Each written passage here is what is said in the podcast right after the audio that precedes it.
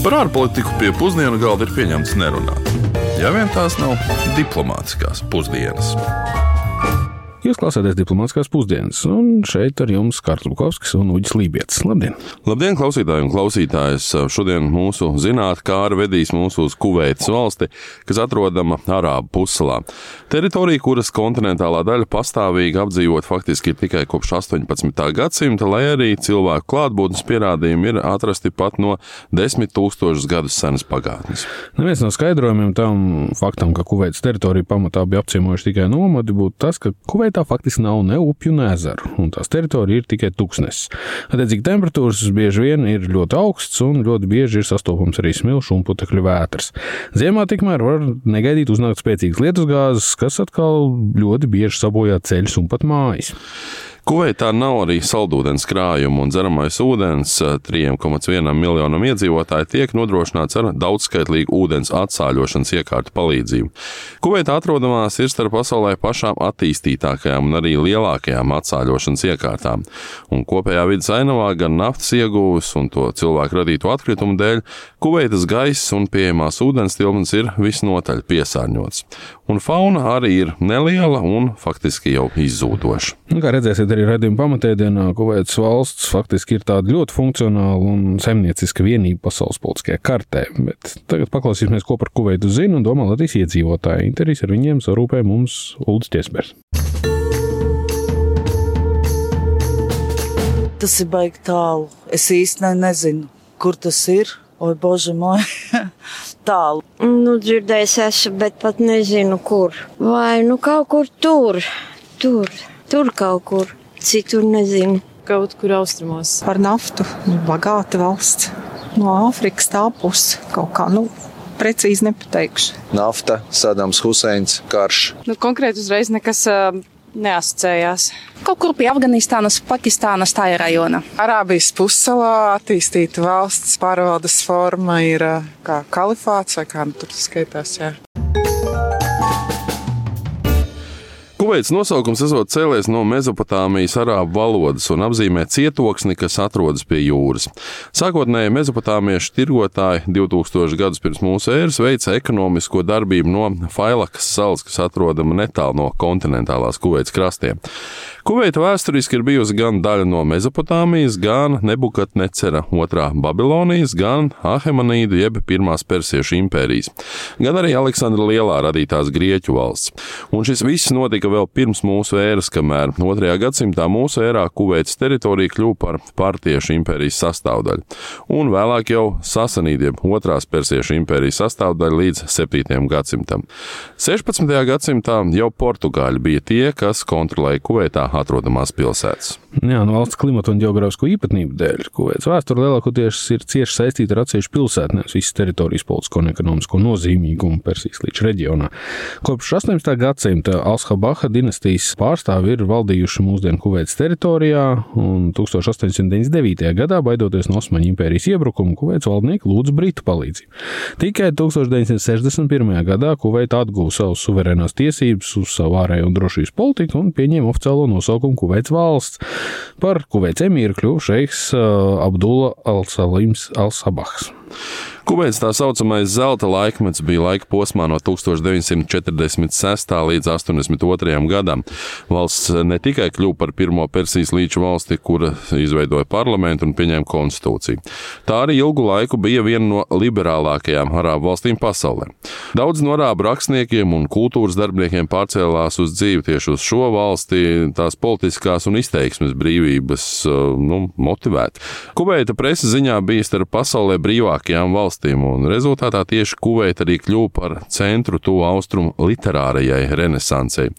Arī Kuveitas sabiedrība aktīvi pieņēma liberālo gaisotni, nu, īpaši jau pagājušā gadsimta 60. un 70. gados, tostarp arī sievietes nevalkāja hijabus. Nu, Kuveita kļuva arī par reģionu rekordistu ekonomiskajā ziņā. Nu, Kuveita bija ekonomiski attīstītākā valsts uh, reģionā, pirmā valsts, kur ienākums no naftas eksporta sāk ieguldīt citās ekonomikas sfērās, nu, respektīvi diversificējot, jeb dažādojot, un arī modernizējot savu ekonomiku. Valsts arī bija pirmā pasaulē, kura nodibināja suverēnās labklājības fondu, un proti, Kuveits investīcija aģentūra bija pirmā, pasaulē lielākais šāds fonds, kā jau iepriekš runājām, raidījumā par Norvēģiju, ir tieši Norvēģija. Nu, ja mēs nedaudz patīsim vēl vēsturi uz atpakaļ, tad uh, jāsāk ar to, ka nafta Kuveitā tika atklāta 1938. gadā. Pirmais naftas eksports sekoja astoņus gadus vēlāk. Lielākais naftas eksportētājs reģionā Par to Kuveita kļuva vēl 6 gadus vēlāk. Tātad 14 gadu laikā tik liela izaugsme. Nu, nafta ir bijusi Kuveitas izaugsmes iemesls, nu, tas ir absolūti nenoliedzami. Un vēl šodien Kuveita ir sestās lielākās naftas rezerves pasaulē, nu, jeb aptuveni 10% no visiem atklātajiem pasaules naftas krājumiem. Un šajā kontekstā mums gribējās beidzot par visām reizēm, gan priekš sev, gan priekš jums, klausītāji, noskaidrot un pastāstīt par to, kā veidojas naftas cenas un kā pasaules naftas cenas svārstības ietekmē arī cenas Latvijā, benzīna cenas Latvijā. Un to lūdzām izdarīt doktoram Arturam Zepam, ekonomistam un Rīgas Tehniskās Universitātes attīstības un finanšu prorektoram. Lai saprastu to, kā veidojas degvielas cenas degvielas uzpildes stācijās, mums sākotnēji būtu nepieciešams analizēt to, no kā tad veidojās tā cena, kas tad ir tās komponentes. Un pirmkārt, protams, tā ir pats degvielas pamatprodukts, tātad attiecīgi benzīns vai dīzels, kam tiek eh, pievienots noteikts piedevs, kas tiek eh, īstenots saskaņā ar Eiropas Savienībā un Latvijā noteiktām minimālajām prasībām attiecībā uz dažādām šīm biokomponentēm. Piemēram, mm, laika posmā no 1. janvāra benzīnam tiek pievienot 10% eh, bioetanola, savukārt laika posmā no 24. gada 1. aprīļa līdz 31. oktobrim dīzeļdegvielai tiek pievienot 7% biopiedevas. Šīs divas lietas, tātad attiecīgi pats degvielas pamatprodukts, benzīns eh, vai dīzels un piedevs veido aptuveni pusi no gala degvielas izmaksām. Ja mēs gribam saprast, kas ir tās pārējās komponentes, tad jāatzīmē, ka tās ir akcijas nodoklis, pievienotās vērtības nodoklis, kā arī dažādas nodevas, piemēram, naftas produktu valsts obligāto rezervu glabāšanas nodeva, kas uz vienu litru benzīnu veido 6,8 centus, savukārt uz vienu litru dīzeļu tas veido 7,6 centus. Tāpat arī, protams, tas ir uzcenojums, ko tad attiecīgi degvielas tirgotājs pievieno, balstoties uz savām izmaksām, kas viņam veidojas eh, saistībā ar degvielas piegādi, degvielas uzglabošanu, degvielas tirzniecību, kā arī dažādi konkurences faktori, eh, kuru ietvaros gala cena tiek palielināta vai samazināta. Tomēr pati degviela, kā arī piedevs, tā ir biržas prece un ir jāreicinās, ka lielā mērā šīs gala cenas pamatprecei, kas tiek tirgota biržā, ietekmē piedāvājums un pieprasījums. Un tie faktori, kas ietekmē piedāvājumu un pieprasījumu, ir ļoti dažādi. Sākot no sezonalitātes attiecībā uz biopiedevām, mm, no sēklām izspiestās eļļas, kas tiek pievienota dīzeļdegvielai, turpinot ar valūtas kursa svārstībām, kas ietekmē šī pamatproduktu cenu, jo, kā mēs zinām, galvenā valūta, kurā tiek tirgota degviela biržā, tas ir dolārs. Tātad, attiecīgi, kādas valūtas kursas svārstības, kā arī, protams, piedāvājums un pieprasījums kopumā pēc šiem naftas produktiem un benzīna un dīzeļa, kas tad atainojas saistībā ar dažādiem globāliem notikumiem. Piemēram, attīstoties pasaules ekonomikai, pieaug pieprasījums pēc uh, degvielas, kas tad uh, eventuāli nozīmē to, ka šīs cenas pieaug. Tāpat, skatoties, kāda notikuma vēl varētu ietekmēt degvielas cenu biržā, mums jāreicinās, ka arī tādas lietas kā naftas ieguvēja valstu alianses OPEC lēmumi, piemēram, samazināt kopējo naftas ieguvu apjomu, samazina piedāvājumu tirgū, tad attiecīgi arī veicinot degvielas cenu kāpumu, vai arī dažādi konflikti reģionos, kas traucē vai nu degvielas ieguvu, vai nu tās pārvadāšanu, tādā veidā samazinot šo piedāvājumu un veicinot degvielas cenu kāpumu.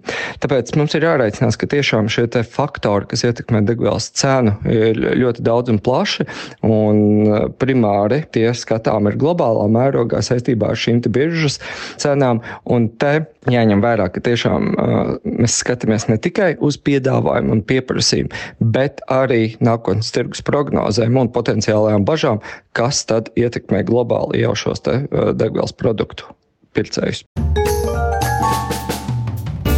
Kuveita tiek regulāri ierindot starp bagātākajām valstīm pasaulē. IKP uz vienu iedzīvotāju ir 55,000 eiro, Latvijas 38,000 pēc Pasaules bankas datiem. Alga atšķirības nepilns 1000 Latvijā un nepilns 3000 mēnesī Kuveitā. Un vienlaicīgi Latvijas ekonomika ir daudz diversificētāka nekā Kuveitas. Proti, Kuveitas ekonomika kopš 1980. gadiem ir gājusi pretējā virzienā, atgriežoties pie ar vien lielākas atkarības no naftas, gāzes un naftas produktu eksporta. Ķīna, Dienvidkoreja, Indija, Japāna, Taivāna un arī Vietnama ir Kuveits lielākie eksporta partneri. Nu, Ķīna gan šajā gadījumā ir bijis eh, ilgi būvēts projekts, un lielākais tirdzniecības partneris ir kopš 2016. gada. Un mūsdienās valsts ir kļuvusi par Persijas līča reģiona vismazāk diversificēto ekonomiku, visvairāk no naftas atkarīgo ar vājāko infrastruktūras attīstības līmeni. Ekonomiskās sarežģītības indeksā Kuveita ierindojas 55. vietā no visām pasaules valstīm, Latvija 36. vietā. Kādēļ šis ekonomiskās sarežģītības indeks ir būtisks? Nu, tāpēc, ka pastāv uzskats, ka ir saikne starp to, cik daudzveidīga un sarežģīta valsts ekonomika ir un arī cik tās ilgspējīga virzība uz bagātību, sasniegšanu un uzkrāšanu ir efektīva. Nu, interesantākais, ka mērīt tiek sabiedrības uzkrāto zināšanu bagāžu un daudzveidību konkrētajā geogrāfiskajā vietā un apstākļos, kur ekonomiskā darbība notiek. Respektīvi, zināšanas un spēja izmantot savu dzīves telpu ekonomiskās labklājības veicināšanai ir fundamentāli svarīga tautu labklājībai. Nu, tā vismaz uzskata šī indeksa izveidotāja no Harvardu Universitātes un Massachusetts Tehnoloģiju institūta. Kuveitas infrastruktūras problēmas un ekonomiskās dažādības kritumi ir saistīti ar politiskiem procesiem un politiskās domstarpības starp parlamentu un valdību, kā arī kļūdainas ārpolitiskās izvēles jau kopš pagājušā gadsimta 80. gadiem ir bijušas rezultātam tam, ka situācija valstī pašlaik ir tāda, kāda tā ir. Iekšpolitiski Kuveitu kopš slavenā ārā pavasara aizsākuma 2011. gadā ir plosījušas cīņas starp dažādām ciltīm, bezvalstniekiem un arī islāmistiem. Un 15 gadu laikā, no 2006. gada līdz 2020. gadam, parlaments tika atlaists vesels septiņas reizes un tika izveidots 12 valdības. Pašreizējais Kuveits emīrs Mišels Alahmats Alģabers Alšahabs. Tev izdevās. Paldies, jā. Šiem man parasti ir izaicinājumi. Nāca pie varas un uh, 2020. gadā viņš nāca pie varas un gadu vēlāk uzsāka nacionālā dialoga procesu, kur rezultātā tika atļauts Kuveitā atgriezties daudziem opozīcijas līderiem. Vienlaicīgi ministrs kabinets tāpat ir ticis pārkārtots jau sešas reizes. Nu, un visbeidzot, Kuveits problēma cēlonis gan bija ārpolitiskie strīdi ar Irāku, un Sadam Huseina agresīva ārpolitika, teritoriālie un naftas iegūst strīdi noveda pie bēdīgi slavenā 1990. gada augusta iebrukuma Kuveitā. Kuveita kļuva par Irākas guberņu, ja tā var teikt, un līdz pat 91. gada februārim, kad ASV vadītās koalīcijas un ANO sankcionētās tūkstnešu vētras operācijas laikā, Irākas karaspēks tika padzīts no Kuveitas. Un daudz iespējams atcerās, ka Irākas spēkiem atkāpjoties Sadams Huseins deva pavēli aizdedzināt Kuveitas naftas urbumus, un aizdedzināti toreiz tika 605 no 732 naftas urbumiem, un rezultātā esot tikuši nodedzināti aptuveni 10% no visiem Kuveitas naftas krājumiem. Naftas un vairāk nekā 100 miljardu eiro zaudējumu gan ir nu, relatīvs sīkums ar to postu, kas tika nodarīts dabai. Degošā nafta ne tikai iznīcināja dzīvās radības, bet arī radīja papildus 2% no pasaules CO2 izmešiem, kā arī izveidoja, protams, skābos lietus. Interesanti, ka Huseins šādu te cūcisku taktiku lietoja arī tajā brīdī, kad ASV vadītā koalīcija iebruka pašā Irākā 2003. gadā. ASV ir bijusi Kuveitas militārā sabiedrotā kopš 90. gada sākuma, un Kuveitā ir atrodama arī lielākā ASV militārā bāze operācijām Tuvu Austrumu un Persijas līča reģionā. 14,000 karavīru Arivģanas bāzē ir nozīmīgs punkts arī šī brīža Jemenas hutiešu ierobežošanai Saraknajā jūrā. Saudabīgi, bet neskatoties uz šo draudzību ar ASV, Kuveita arī tiek uzskatīta par vienu no lielākajiem terorisma finansētājiem pasaulē. Tostarp arī Al-Qaidai un tā saucamajai Islāma valstī, jeb Daīšu. Visbeidzot, noslēdzošā iekšpolitiskā ārpolitiskā lieta, kur jāpiemina, ir ārvalsts darba spēks, kam nav politisko tiesību Kuveitā. Kuveits izaugsme jau kopš 1950. gadiem izraisīja plašu darba spēku imigrāciju Kuveitā, un lielākais skaits iebrauc no Palestīnas, no Irānas, Indijas un Ēģiptes. Kuveits pašs Valsts statistikas biroja mūsdienās rēķina, ka apmēram 70% no valsts iedzīvotājiem vispār nemaz nav kuveitieši. Bezvalstnieku jeb bidūnu skaits atkal tiek rēķināts nu, apmēram 100 tūkstoši. To skaits ir palielinājies kopš 1980. gadiem, un situācija kļūst ar vien dramatiskāka, jo cilvēkiem netiek nodrošināta dokumentācija, tiek atteikta reģistrācija, tostarp arī dzimšanas reģistrācija un laulība reģistrācija. Jūs varat iedomāties, ka šis nostāda viņus augsta riska situācijās attiecībā arī uz iespējamo eksploatāciju. Politisko apsvērumu dēļ Kuveita arī mēdz izsūtīt cilvēkus no valsts, un izsūtīti tika ne tikai tūkstošiem irākiešu, bet arī 400 tūkstoši palestīniešu. Par ko? Par to, ka Persijas līča konfliktā Palestīnas atbrīvošanas organizācija bija atbalstījusi Sadamu Huseinu. Lai cik būtu paēdis, vienmēr ir vieta arī desertam. Un deserts mums šodien būs tāds uh, visai īss, bet gana dārgs. Un runa ir par kuveitas dināru, kurš tiek uzskatīts par pasaulē visaugstāk novērtēto valūtu. Un uh, viena kuveitas dināra vērtība ir 3 eiro, un Bahreinas dinārs un Omānas reāls ir attiecīgi otrās un trešās vietas ieguvēji mūsdienās. Kuveitas dinārs tika ieviests 1961. gadā līdz ar valsts neatkarības ieviešanu un uh, finanšu sistēmas stabilitātes un naftas saguma dēļ tas ir ieguvis un notur dārgākās valūtas tīklu titulu. Kas interesanti, tas ir iedalīts tūkstots, nevis simts mazākās naudas vienībās, kā bieži pierasts, un, piemēram, kā ir ar eiro centiem.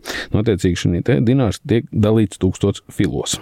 Nu jā, un šis parasti bija tajā laikā, kad mēs lepojāmies, ka lats ir viena no jā. dārgākajām valūtām pasaulē, kuveits dinārs to apsteidz parasti.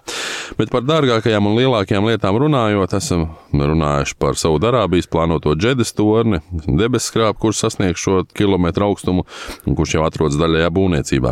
Kuveitieši plāno uzcelt 1001 metru augstu Mubarak al-Kabir torni līdz 2035. gadam. Un sākuši gan vēl nav, un vai izdosies, nu, laiks rādīs. Bet tas arī būs unikāls ar to, ka tam būs 1001 arābu nakts pasaku dizaina elementi. Laikam tāpēc arī augstums metros.